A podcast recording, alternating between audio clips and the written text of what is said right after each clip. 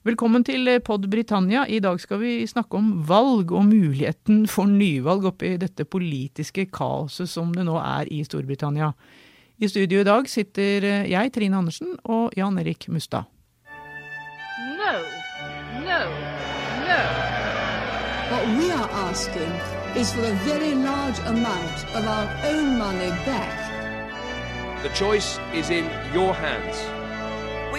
A meaningful vote. We had it in the referendum on 2016. Ja, Jan Erik, hva tror du egentlig er sjansen for at det skal bli et uh, nyvalg i Storbritannia før jul? Ja, så På et eller annet tidspunkt så må vi jo ha et nyvalg, fordi at uh, Boris Johnsons regjering har så stort mindretall nå. Og det tillater egentlig ikke den uh, britiske konstitusjonen å ha et mindretall over en lengre periode. Så det betyr at vi antagelig vil få et parlamentsvalg enten rett før jul eller rett over på nyåret. Men du, Labour har jo skreket nå om valg i et år og sagt, at vi, og sagt at Boris Johnson må skrive ut et nyvalg, hvis vi kan si det på den måten. Vi får komme tilbake til valgreglene etterpå. Mm. Men når Johnson foreslår det, så, så sa jo Labour nei, det vil vi ikke ha nå. Hvorfor i all verden vil de ikke det? Det er jo dette kontroversielle brexit-bakteppet som ligger der. Eh, og parlamentet med opposisjonsleder Jamie Corbyn, lederen for Labour, er jo redd for at uh, Boris Johnson uh, skal uh, få til et nyvalg og tilsidesette parlamentet, og da ta Storbritannia ut av EU uten en avtale den 31.10. Så de er nok redd for å ha et valg nå for å lamme parlamentet, sånn at ikke parlamentet kan utføre sine oppgaver med å overvåke regjeringen. Så de ønsker et valg, og det har Corbyn sagt at Labour ønsker et valg, hele opposisjonen ønsker et valg, men det handler om tidspunkt, fordi at denne her nokså eh, mye omtalte datoen 31.10 ligger der. Og de er redd for strategien til Boris Johnson og regjeringen. At de skal kunne klare å eh, vippe Storbritannia ut av EU uten en avtale, som det ser ut som har vært eh, Johnsons politiske prosjekt siden han ble statsminister i sommer. Eh, og dermed så, så blir jo da ved et nyvalg parlamentet oppløst. Eh, og dermed så får vi da en situasjon hvor det ikke foregår noe i parlamentet. Eh, og hvis det da eh, er i perioden som inkluderer 31.10, så er de redd for at Johnson da kan finne på å ta Storbritannia ut uten en avtale. og Det, det er den frykten som ligger der. Så Labour er ikke mot et valg, men de er mot å ha et valg akkurat i denne perioden, når de vet hva Boris Johnson kanskje egentlig planlegger å gjøre. Mm. Men du, det har vel skjedd litt med dette her med å oppløse parlamentet og utskrive nyvalg og sånn. Tidligere var det sånn at det kunne statsministeren bare gjøre, men nå har vel reglene blitt endra sånn at uh, det, det, Johnson kan ikke bare si at jeg vil ha et nyvalg. Han må ha mm. to tredjedels flertall i parlamentet, må han ikke det, for at det skal bli et nyvalg? Jo, eh, der er litt forskjellige muligheter. Eh, før i tida, som du nevnte, så eh, kunne statsministeren utskrive nyvalg når hun eller han ønska det. Og jeg sier hun fordi at vi har hatt et par kvinnelige statsminister, Theresa May og, Margaret Thatcher. Men den loven ble endra i 2011, eh, hvor vi da fikk, som det heter på engelsk, fixed term parliament sånn som vi har i Norge, hvor vi har stortingsvalg hvert fjerde år. Eh, denne perioden i Storbritannia er nå fem år. Men innenfor disse fem årene, det som vi kaller et parlament, så uh, kan parlamentet oppløses på, på, tre forskjellige måter. Det ene er at, at, regjeringen kaster kortene og sier at vi har ikke flertall, vi er blitt felt på en eller annen sak som gjør at vi vil søke nyvalg. Det gjorde Teresa May 18.4.2017.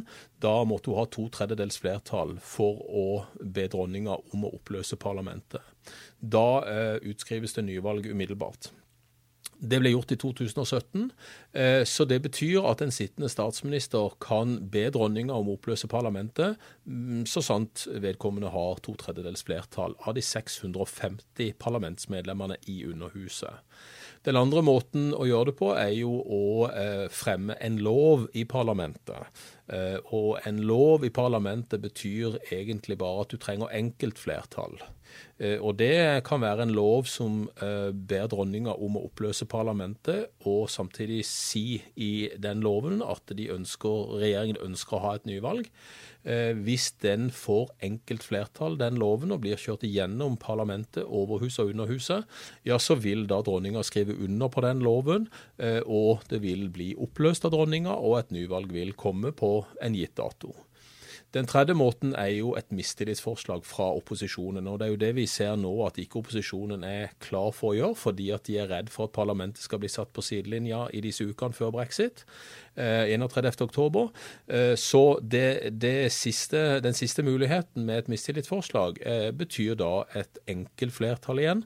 Eh, At eh, opposisjonen eh, får et enkelt flertall i Underhuset for en mistillit. Og når du snakker om opposisjonen, så snakker vi da om det største opposisjonspartiet, ikke sant? Labour. Det er egentlig bare Jeremy Corbyn som da kan erklære mistillit mot regjeringen. Er det, det Ja, kan ikke f.eks. Joe Swinston, Liberaldemokratene eller Ian Blackford i SMP gjøre? Nei, de kan kun støtte eh, opposisjonspartiet, som, som da er det største opposisjonspartiet, Labour, i dette tilfellet her.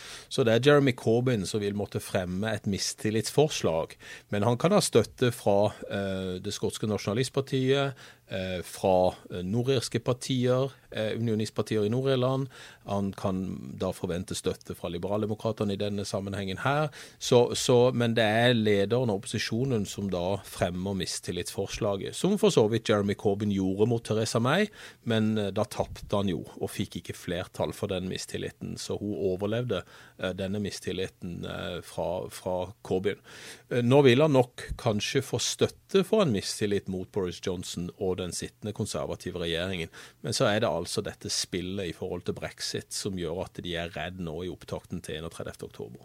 Men det er vel veldig spennende hvis det nå blir et nyvalg som eh, de fleste av oss da tror at det blir før jul. Så nå har vi jo et litt annet politisk landskap i Storbritannia enn det vi har hatt. Du har liksom ikke bare to store partier. Vi har ikke bare Labour og de konservative. Vi har I bakgrunnen lurer jo Brexit-partiet, som har en 14-15% på meningsmålingene. Vi har Liberaldemokratene, som har legget eh, ganske jevnt på 18-19% Så det er vel veldig vanskelig å spå et utfall av et eh, slikt valg.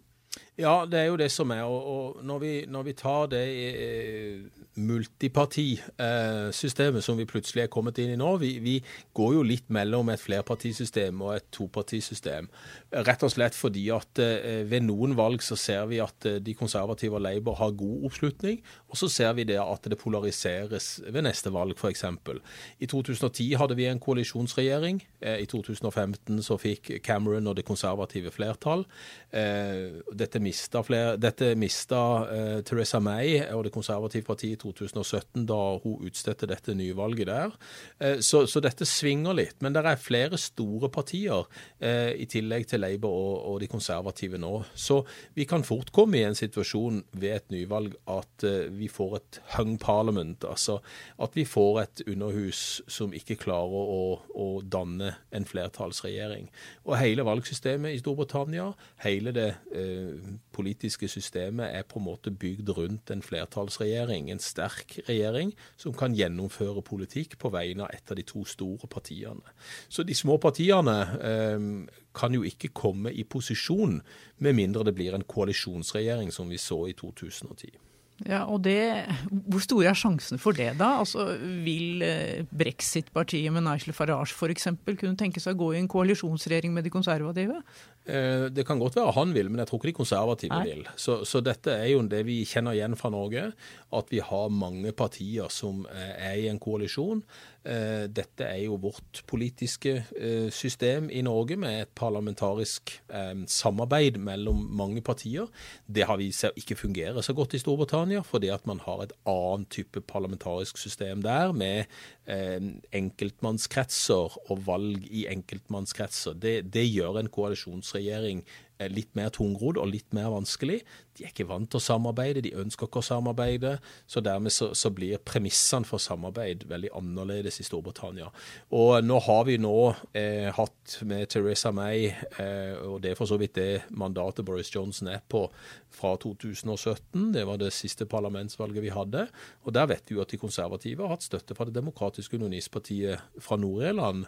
Eh, og det er ikke noe koalisjonsregjering, men at det, det demokratiske unionistpartiet støtter opp om regjeringspartiet ved viktige eh, avstemninger i, i, Underhuset. Så det, det vi kaller et valgteknisk samarbeid i, i Norge, det har de også nå eh, under denne regjeringen her. Mm. Men tenk på Liberaldemokratene har jo fått en ny kvinnelig, ganske ung leder, Joe mm. Swinson. Og de, mm. de, ligger jo, som vi nevnte her, veldig godt an på meningsmålingene. Og er jo nå etter Labours landsmøte, hvor de ikke ville ta noe klart standpunkt for å Hvor de ikke går inn for å, for å støtte Remain, altså for mm. å gå ut og, og, føre kampanje for Remain da, for å få bli i EU, så er jo faktisk Liberaldemokratene det eneste pro-EU-partiet mm. som, som, står igjen. Kan vi, kan vi forvente at de da kommer til å gjøre det, det bra, tror du? Ja, det er det vi ikke vet. fordi at eh, Liberaldemokratene har på mange meningsmålinger opp igjennom gjort det veldig bra. Og så når det kommer til valg, så faller folk ned på Labour eller de konservative. Det er noen unntak her i, i nyere historie. 2010 f.eks.? Ja, hvor, hvor, de gjorde det bra under, under Nick Clegg eh, som leder. Og det kan godt være at liberaldemokratene vil, vil få opp mot 50-60 representanter igjen, som, som de lå på eh, etter 2010-valget. Eh, men det er veldig mange partier som ofte gjør det godt i meningsmålinger, som vi ser blir marginaliserte når eh, resultatene fra et parlamentsvalg er klare.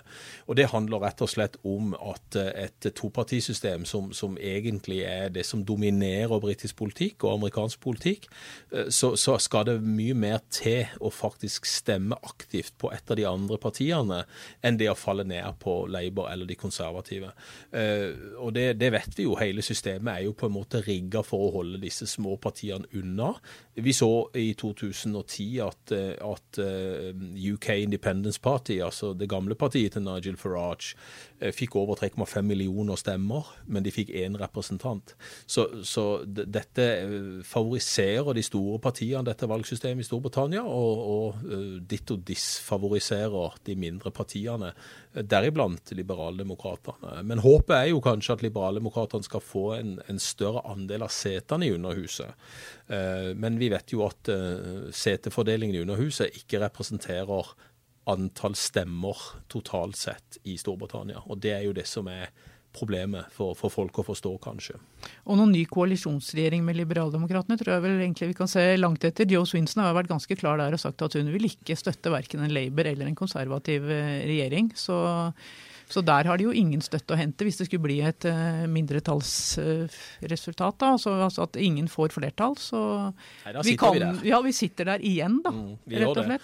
Fordi at det, det, det koalisjoner er det, er det, eh, blir uheldige for det minste partiet i en koalisjonsregjering. Og vi så jo at Liberaldemokratene nesten var helt forsvunnet fra det politiske kartet etter denne koalisjonsregjeringen med de konservative. Så er du det minste partiet i en koalisjonsregjering i Storbritannia, ja, da blir du ofte straffa i etterkant. Og Liberaldemokratene er jo et parti som kan gå til høyre og kan gå til venstre, altså mot Labour eller mot de konservative. De valgte å gå mot de konservative, og da mister de mange av de som kanskje heller, heller mot Labour av, av, de som stemmer liberaldemokratisk. Så det er et problem å stå litt i spagaten i britisk politikk. Og Det ser vi også i brexit-spørsmålet. Enten så skal man ha en klar idé om skal man ut sånn og sånn, eller skal man remain? Så, så, her ser vi jo at nyansene forsvinner litt i både politiske spørsmål, men også i disse konstellasjonene som eventuelt oppstår, eh, hvis det ikke da blir et klart flertallsalternativ. Men du, Jan Erik, skal vi snakke litt om Skottland til slutt? For der ja. Eh, har vi jo hatt en veldig sterk konservativ leder, Ruth Davidson, som mm. gjorde jo et brakvalg eh, sist. Mm. Hun uh, gikk jo fra 1 til 13 representanter, var det ikke mm. det, i uh, Underhuset. Mm. Nå har hun trukket seg og der oppe er det nesten et lite sånn vakuum nå. Kan mm. det faktisk ende med at uh, et nyvalg nærmest vil utradere de konservative i Skottland? At, uh, at de konservative faktisk bare blir et parti for England og da delvis Wales? Og det har det jo vært veldig lenge. De har egentlig vært utradert fra Wales òg. Og jeg har jo ofte sagt at de konservative er et sørengelsk parti, men har nok representanter fra valgkretsene i Sør-England til å kunne klare å skrape til seg et flertall i Underhuset. Eh, Ruth Davidson var jo det store håpet for det konservative partiet i, eh, i Skottland. Eh, og da hun trakk seg for en tid tilbake siden, så, så, var det nok mange som ble skeptiske både til Boris Johnson og den måten det konservative partiet har klatra opp mot ytre høyre på. Og hvis de kjemper en valgkamp i et nytt parlamentsvalg med det utgangspunktet at de er et ytre høyreparti, så vil de viste veldig stor oppslutning både i Nord-England og uh, i Skottland. Uh, Skottland har alltid vært problematisk for det konservative partiet, spesielt etter Margaret Thatcher uh, på 80-tallet.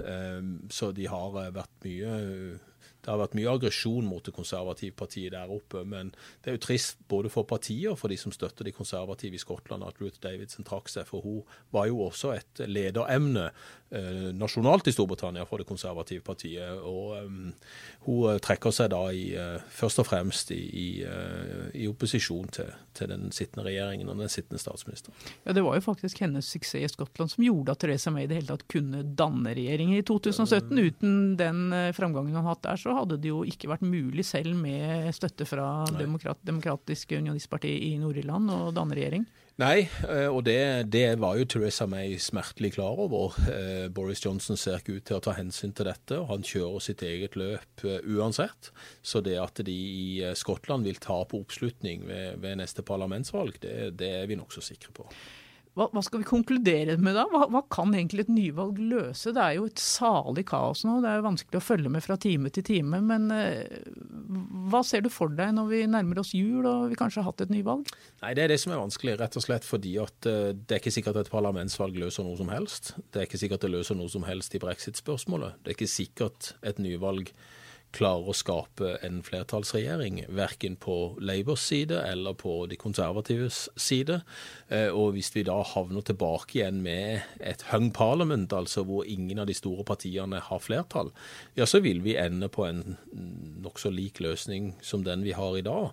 At av de to store partiene må samarbeide eller ha et teknisk samarbeid med et av de andre partiene. Jeg tror ikke på noe koalisjon, men jeg tror kanskje på et valgteknisk samarbeid sånn som vi har nå, for eventuelt å kunne sjonglere et flertall i Underhuset. Men alle maser om et parlamentsvalg, alle maser om en ny folkeavstemning i forhold til brexit. Det er ikke sikkert at noen av de to vil løse opp i denne eh, gordiske knuten som, som, vi har akkurat nå, fordi at Storbritannia er så fryktelig delt. Både eh, i brexit-spørsmålet, men også rent eh, politisk i forhold til partitilhørighet. Helt til slutt, da. Hvem skal vi tippe sitter som statsminister når britene går inn i jula?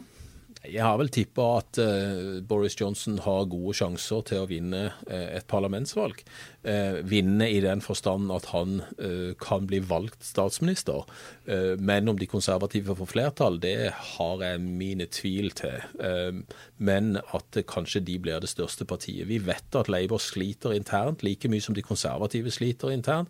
Så ja, nei, det er veldig, veldig vanskelig å spå. og det er jo det vi kanskje ser mer og mer i britisk politikk nå, at uh, hvor vi var mer sikre på et utfall, og, og, vi kunne bruke historien til å spå om fremtida, det ligger ikke der lenger fordi at det er så store endringer som skjer, som du sier, ikke bare fra time til time, men det har skjedd så veldig mye siden 2010 at det er nesten umulig å forutse hvordan noe vil gå lenger.